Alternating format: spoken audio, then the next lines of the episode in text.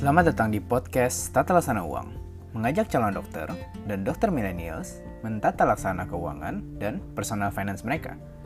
Setelah intro berikut ini.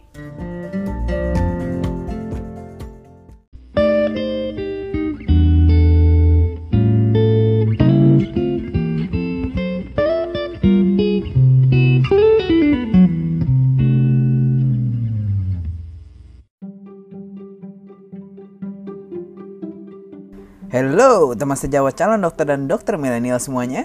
Welcome di podcast Tata Laksana Uang. Untuk permulaan, izinkan gue memperkenalkan diri. Nama gue Luis Rianto dan saat ini gue adalah seorang koas. Buat teman-teman yang non medis yang nggak tahu koas itu apa Koas itu ya adalah mahasiswa tahap klinik yang ibaratnya kita magang di rumah sakit yang nantinya akan jadi tempat kita bekerja saat kita jadi dokter nanti gitu. Nah, buat kalian yang lagi dengerin prolog ini, selamat. Berarti kalian adalah calon dokter dan dokter millennials atau teman-teman millennials di luar sana yang mau meningkatkan literasi finansial kalian. Podcast ini bukan untuk menggurui, tapi lebih untuk sharing satu sama lain.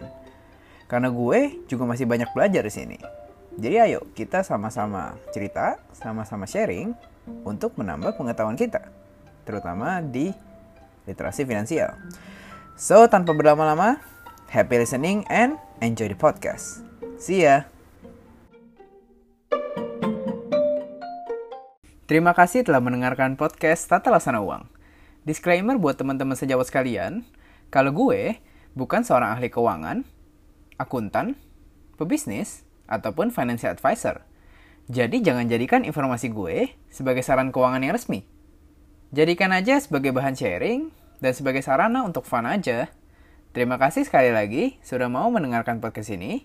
Semoga bermanfaat untuk teman sejawat sekalian. See ya!